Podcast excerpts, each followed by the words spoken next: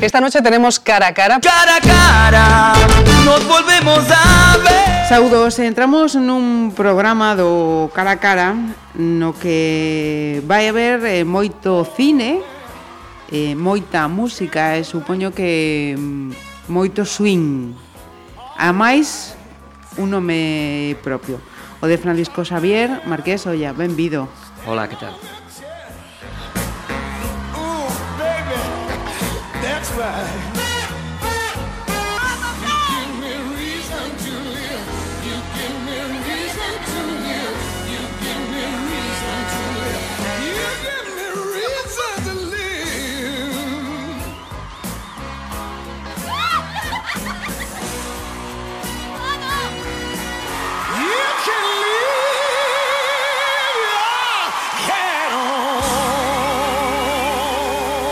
indagamos, miramos despois de, de ver un, unha curta que chegou o meu o meu WhatsApp e pensei, este home ten, ten unha interesante entrevista. Xavier, ti eres eh, profesor de inglés. Uh -huh, sí. I, imos a situalo personalmente, máis. Marinense de nacemento uh -huh, sí. e resides en, en Vila García. Sí. E, exerces entón, supoño, de, de profesor en, en Vila García. Non exactamente en Vila García, Vila Nova da Rousa. En Vila Nova. Sí. Ajá. Entón, em, eh, explícanos por que mm, vencello eu o teu nome, eh, o cine eh, e o swim. Bueno, pois porque son uh, as dúas pasións que teño, non? Eu sempre fui un namorado do cine en todos os aspectos. Eh, o que pasa é que por cuestións de idade nunca tiven a oportunidade de estudiar sobre o tema.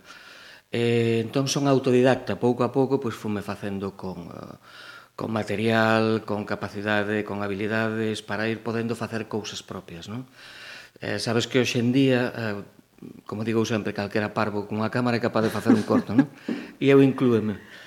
Eh, basicamente, a chegada do cine digital e a edición digital eh, pois deu-nos oportunidade a moitos de eh, cumplir un pouquiño os soños que tiñamos de facer eh, curtas, audiovisuais, etc. No? Uh -huh.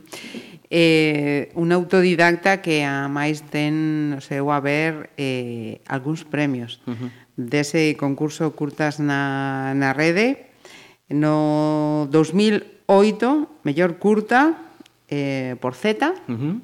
Eh, 2009 por Froiz e compañía, Ajá. Uh -huh. tamén mellor curta en, en, en galego.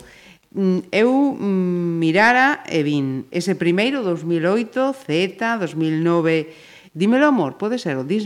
discreto amor. Discreto amor, uh -huh. ves? Mm, xa non entendo nin na miña letra. Freud e compañía, como decía, 2010 a banda sonora que veu do mar. Sí. E 2012 os piojosos, sí. dicho así, con esa geada, ¿no? Supoño. O que pasa é que os piojosos eh, non, eu traballo de actor, non de director, que uh -huh. é outra persona, de, Ajá. director. Nesas anteriores eh, curtas, eh, guionista e, eh, e director. Sí, basicamente, como é unha productora, dicir, yo me lo quixo, yo me lo como, pois eh, facía eu todo, non? Entón, eh, o ser en plan moi amateur, tirabas un poquinho de todo, evidentemente traías actores, xa sabes como funciona isto, é un quid pro quo, non? É dicir, eu axudo che nesto, ti outro día axudasme Eh, de outra maneira funcionaba así. Uh -huh. eh, facíamos eh, as curtas, pues, bueno, en este plan con moi poucos medios, pero tirábamos do, do, do que podíamos e bueno, Ajá. saían máis ou menos mellores resultados. ¿no? Mellores, eh, sen dúbida, despois de, deses de resultados acadados, ¿no?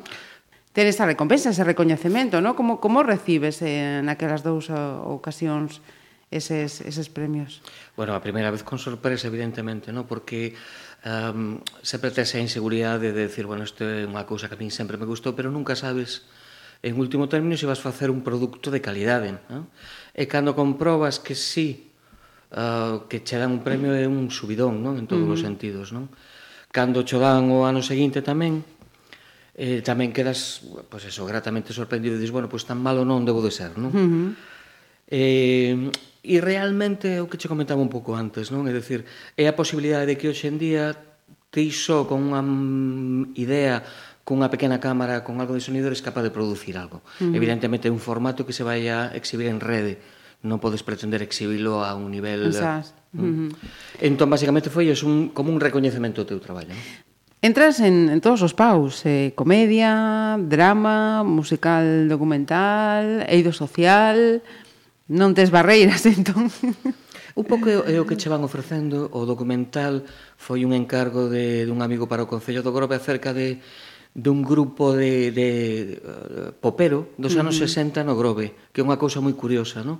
Entón, un pouco vas facendo o que che pido o corpo e o que che vai pedindo a xente. Uh -huh. E como calquera persona que se adica a este tipo de, de cousas, todos os temas poden chegar a ser interesantes. O caso buscarlle un, mm. unha mirada a un sesgo distinto. Non? Nese caso era os, os Beller Boys. Sí. Uh -huh. eh, no caso de, de Z podemos poñale un nome propio a ese empresario textil. Sí, e además moi gracioso porque eh, eu recordo que un membro do xurado da, eh, dos premios eh, decíame, pero tú, tú estás loco, debe ser o, o primeiro galego que se mete con Amancio Ortega, non? Uh -huh E eu decía, sí, está asustado, vamos, non utilizar outra palabra, está asustadísimo do que me meta con él, non? Pero coincidiu unha época en que Amancio Ortega era dios, non? Uh -huh. Entón é unha curta simplemente que te ris un pouco de toda esa Ajá. historia, non? Mira, e estaba, estaba vendo tamén eh, os datos sobre esas eh, curtas e de repente eh, estou a ver unha, unha imaxe do, dos actores dun deles, Freud e, e compañía, e de repente digo, esta cara, esta cara, esta cara, Rubén Prieto, sí. que é agora o, o rapaz que fai de todo accións sí. de todo risco no, no hormiguero, sí. na Antena 3. Sí, sí.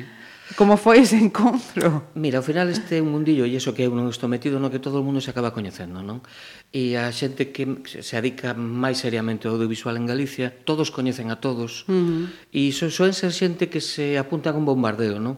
que é o caso do Rubén. Eh, eu, digamos que son un pringado, entre comillas, no mundo audiovisual, e o Rubén foi tan amable como para facerme caso, non? E entón tiras da xente, olle, que che parece, pagoche desplazamentos, etc. E desta maneira máis, coñecendo o tempo, e uh -huh. vaste coñecendo. E Rubén é o que, é, que disto, un todo terreo que se atreve con todo, no? e fai moi ben, desde o meu punto de vista. non? Uh -huh. Non se lle caen os anéis para nada, e é un chaval con moitísimas capacidades. Hai pouco vino nunha obra de teatro tamén fantástica, non? Uh -huh E entón, o que che comento, pois, incluso traballo en unha das curtas Iria Piñeiro. Uh ah, -huh, sí. Uh, uh -huh.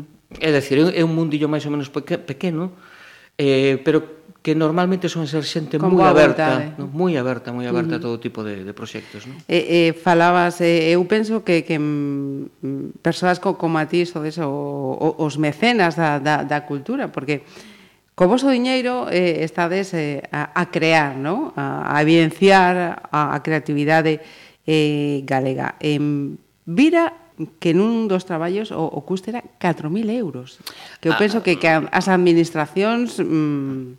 A ver, son cantidades que tipos un poquinho a ollo para uh, o momento... Eh, pídenche canto che saiu, canto foi isto de, de, de, de dinero, máis ou menos pois unha cantidad aproximada, que por certo, eses eses puxe no seu, eh? Sí, sí, non sí, foi sí, tal, sí. non? E ti sabes como funciona isto, ti a hora de intentar pedir unha subvención tens que poñer un custo aproximado, uh -huh. non? Pero bueno, se queres facer unha cousa de mínimo, mínimo calidade, moito menos deso é complicado. Date conta que calquera produto que fagas necesita un esforzo de producción, tens que pagar a xente, un catering, unha, a, unha iluminación, etc. etc non? Entón, sempre tira para arriba, nunca para baixo, non? Sí, non, non, non, sen dúbida. O, o feito que, que eu quería subliñar era precisamente que, que os particulares, os afeccionados, como, como ti dis que, que eres, te deñades que, que desembolsar esas cantidades para a creatividade, non? para a cultura, sí. en, en definitiva. Eh, estamos falando do cine e o baile. Uh -huh. Dende cando ven a túa afección polo, polo baile? Eu sempre fui un namorado de, da música norteamericana do século XX e en concreto do swing, do lindy hop, deste de tipo de cousas. E hai uns anos, por casualidade, entereime de que había un grupo de chavales que en Bueu daban clases desto. Entón, rapidamente me apuntei, pedinlle unha das miñas fillas que viñera de parella eh, ao principio foi bastante reacia, pero foi vir a primeira clase e quedar absolutamente prendada. No? E entón conseguín que viñeran as dúas fillas que teño, e debe ser o primeiro caso de pai con fillas que bailan xuntos, e eh, quedamos absolutamente maravillados. E fun descubrindo que hai un mundillo de xente absolutamente enamorada dese tipo de baile. Ademais, un, un grupo moi variopinto. Hai todo tipo de traballadores, desde médicos, enfermeiras, xente de 20 anos, xente de 50, e algo absolutamente increíble, que só se reúnen con ganas de bailar e uh -huh. de pasalo ben e... Sí. Moi ben, moi ben. Realmente unha cousa absolutamente maravillosa. Cada vez está tendo máis... Por aí va a seguinte pregunta. O, o swing está de moda. Ahora moitísimo, gracias ao esforzo desta, destos chicos, o grupo Swing On e outro de Vigo e outros uh, grupos que hai aquí en Pontevedra tamén tedes Malleu Swing, creo.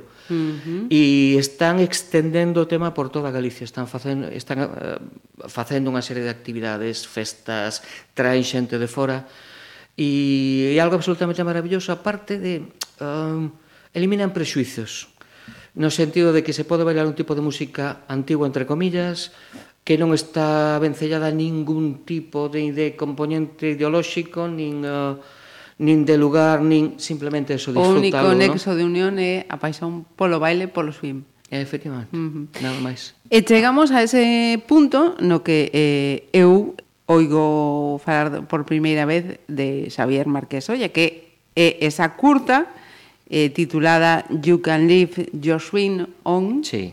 eh, que é mm, deliciosa, uh -huh. deliciosa. Más que nada foi que yo era moi jovencita e me impresionaba todo todo lo que había en, en aquel escenario de ballet oscuro, eh, unas cosas que no entendía muy bien. Fue una cosa muy visual. La, mi película favorita musical es Cabaret de Liza Minnelli. Bueno, a mí eh, tengo debilidad por los grandes clásicos y yo creo que ese es uno de los mejores y sobre todo del estilo musical es una de mis favoritas. Las escenas de Ginger Rogers y Fred Astaire, por ejemplo. sesión de tarde. Cando era pequena tamén me chamaban moito atención porque eran como moi plásticas, moi me encantaban os vestidos das delas. Cantando bajo la lluvia, ali na chuvia, con paraguas, a farola.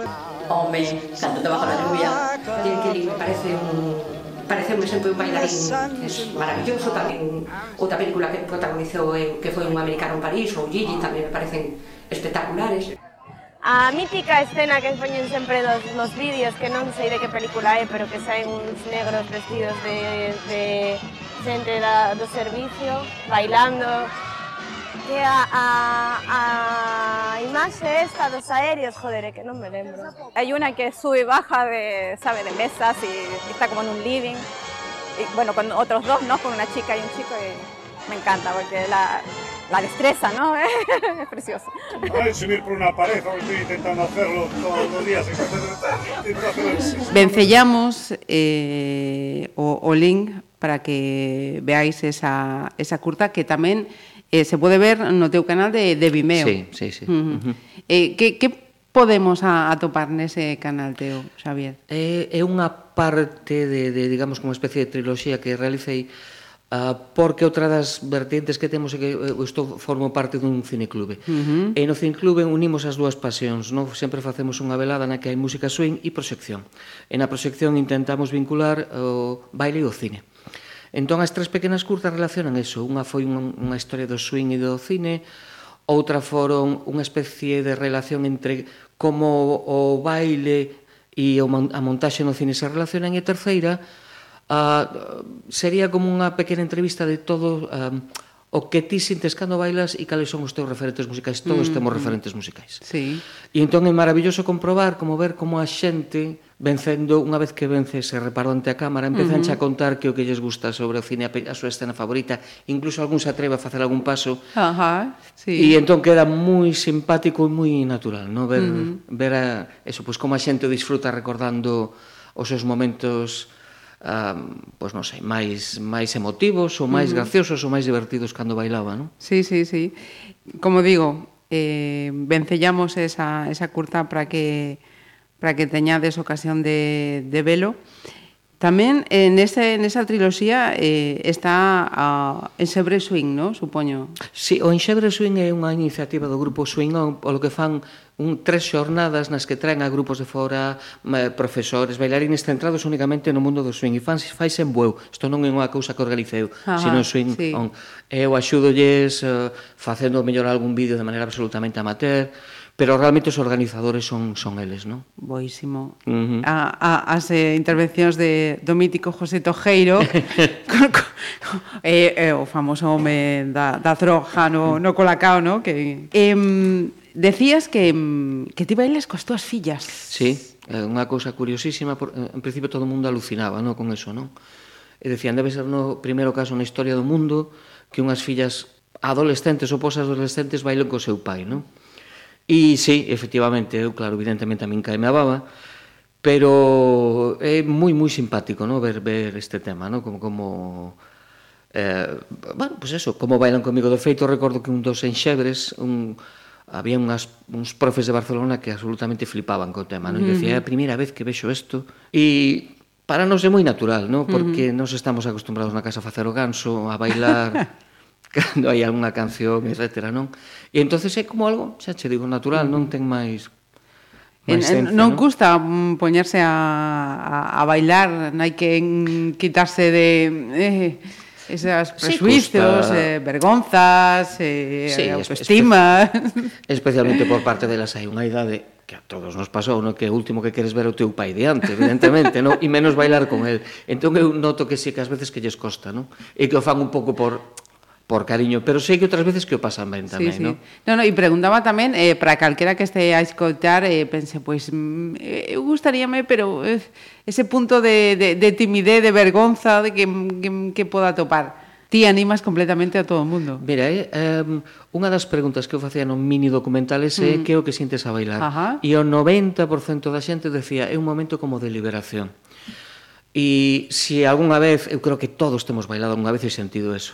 Bueno, pois co baile swing eh, prodúcese dunha maneira natural, entre outras cousas porque son pezas ou cancións que todo o mundo recoñecemos. É unha cousa que ten como a, a música norteamericana no século XX e que é absolutamente natural eh, como che entra no corpo. Enseguida escoitas e parece que se che vai ao corpo. Uh -huh. Pois he colledo tres, catro pasos, tres, catro normas para bailar e de repente deixaste ir. E absolutamente maravilloso, eu recomendo yo a, a todo o mundo. É unha diversión tremenda. E logo hai unha componente Um, antiguamente o baile se asociaba con o rollo da seducción, do ligoteo e neste tipo de bailes eu, polo que vexo todo o mundo vai a bailar si logo hai uh -huh este tipo de historias o marxen pode ser galón, pero é simplemente un rollo lúdico e de pasalo ben, etc, etc. Co cal ese componente digamos que está fora, non? E me parece absolutamente pois eh, maravillosa. E o rollo transversal de que non importa nin a túa condición social, nin no que traballes, se eres home, se eres muller, de feito, eh, traballase moito tamén o baile cambiando o rol, é dicir, eu podo asumir o papel bailando que tradicionalmente fai unha muller que se chama eh, no baile follower, e ao revés, a muller pode ser líder, non? E iso é tamén maravilloso, non? É dicir que, uh -huh. que isto cambia mm. eh, cos tempos, ¿no? como, como todo. Eh, casi cando estades a tope bailando, que, que o que sentes? ¿Qué te voy a decir? Guau, no sé, que estás como en otro planeta. Sí. Es muy guay. Es como que te olvidas de todo. Y estás en conexión con la música, en plan, te dejas llevar y dices tú voy a hacer lo que quiera. O que máis me gusta é deixarme levar e que todo fluya como unha maravilla. O que sinto é que é unha alegría interior que me viene eh, contacto, mm, complicidade ca persona ca que bailo. Síntome libre. Pongo la música a tope en casa, en mi habitación, y empiezo a bailar, aunque lo haga mal, lo intento y da igual, me pongo a saltar ou lo que sea, pero algo, algo. Tamén é certo que cando pensas que estás bailando da hostia, logo miras ter un espello e aquelo é horrible, pero bueno, en fin. Pues, de, la verdad es que un pouco de todo, son un montón de emociones, eh, porque la música te, te eleva. Que estou pensando que, que non estou dando importancia ao baile na vida, non? Eh, eh, onte tiñas eh, máis de 470 visitas sí? esa curta. Sí, Caramba, sí, sí, sí. Pues... Que é un número, penso que máis que considerable. Porque somos unha comunidade grande os de swing, entón uns tiran de outros e... Eh... Mm E, bueno, eu creo que eso, oye, pues vamos a ver a curta, ali, e o feito de meter a xente coñecida, eso, pues, oye, que te vin na curta, xa sabes como funciona, non? Ah, hai posibilidade de que esta curta poda ir pois pues, eh, a algún concurso nah, no, na rede, non? No? Mm, Porque non creo. Eh? Ten un encanto de verdad que, que, que engancha moitísimo, é delicioso. Eu sinceramente tampouco lle vexo unha entidade creativa mm. como para iso e, e máis que nada un, eh, experimento ou, algo máis personal, non eh, non sei se cumple os estándares mínimos de Ajá. de calidade como para, para iso, non? É, de, é delicioso, Xavier. Mira, e falabas antes dese de cineclube, sí. Adega de, de uh -huh. Vila García. Sí. Eh, cal é o traballo que estades a facer? Pois pues levamos casi 4 anos collemos é eh, o, creo que o segundo cineclube máis antigo de Galicia. Uh -huh. E empezou no 76, tuvo un período de sete anos de que estaban como mortos, digamos, non? Sí. E pouco a pouco, coa axuda do Concello, conseguimos reflotalo. Entón, intentamos facer actividades novas. Non só nos quedamos no de proxectar, que está moi ben, intentamos non ser demasiado gafapastas, porque eh, todos estamos de acordo que o cine ten que ser para eh, as audiovisuais para todo tipo de personas, non?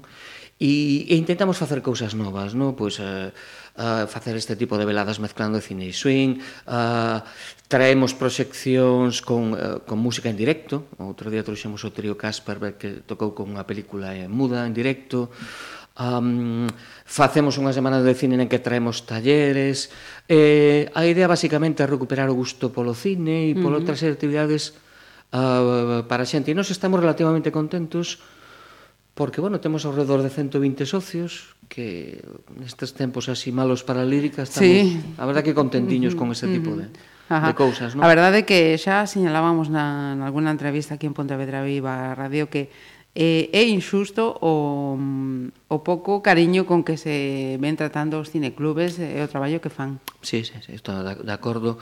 Eh, cada vez está vendo máis, sin embargo, eh, xente enamorada do cine que intenta facer Mm, actividades relacionadas, eu, por exemplo, por poñer un exemplo, creo que é absolutamente digno de, de valor actividades como as que fan en Tuyo Play Doc, uh -huh. o FIC de Bueu, uh -huh. eh, necesitan sempre a colaboración dos concellos e da administración, e unha vez que apoian, saen absoluta eh, maravillas, cans, quen mm. iba a mm. imaginar que unha pequena aldea, nin aldea, eh, como cans, conseguira a, a, a, difusión, a repercusión e, sí. e a difusión que están tendo, uh -huh. e todo gracias ao interés da xente, pois as ganas de traballar e Galicia en ese sentido estáse convertindo nun referente eh, fora porque escoitas moitas veces a xente de fora uh -huh. e todo o mundo coñece Cans, toda a xente empeza a coñecer Bueu, eu, non? E bueno, eu creo que algo vamos digno de, de, de mención, non? Por todos lados, uh -huh. non?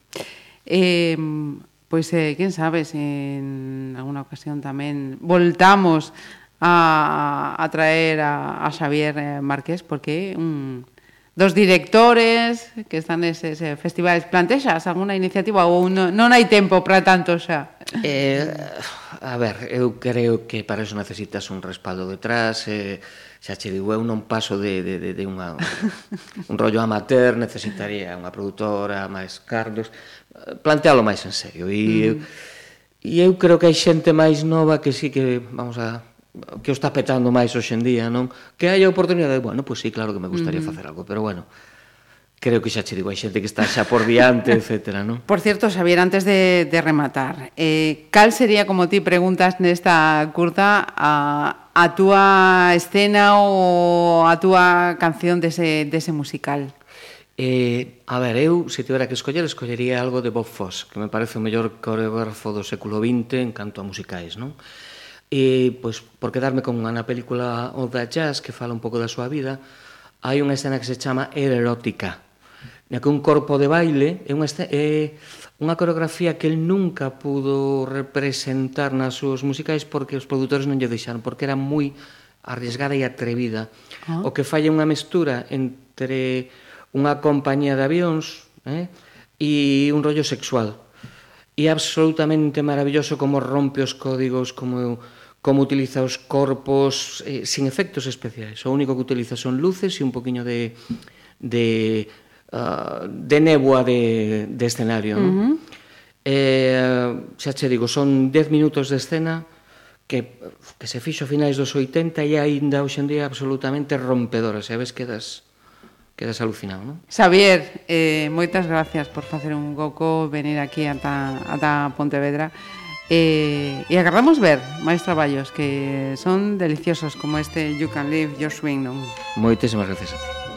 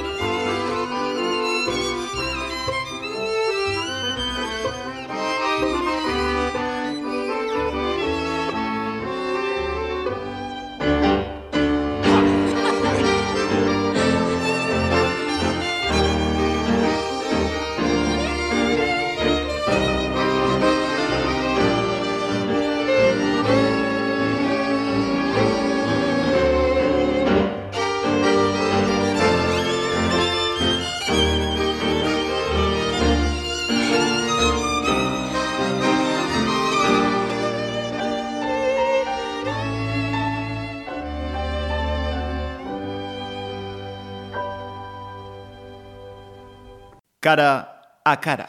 Pontevedra Viva Radio.